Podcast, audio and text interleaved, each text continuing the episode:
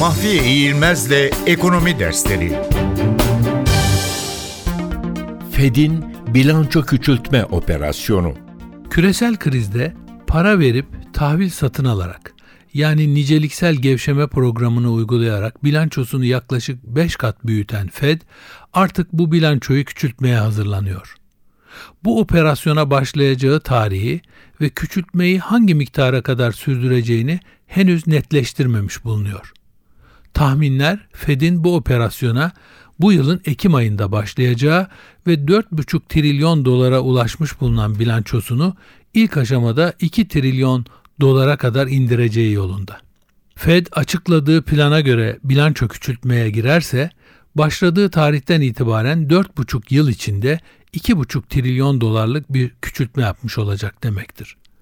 Eğer beklendiği gibi bu operasyon Ekim ayında başlayacaksa 2022 yılının ortalarına kadar sürecek.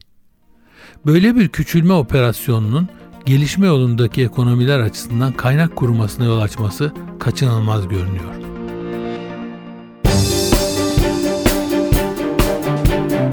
Mahfiye İğilmez'le Ekonomi Dersleri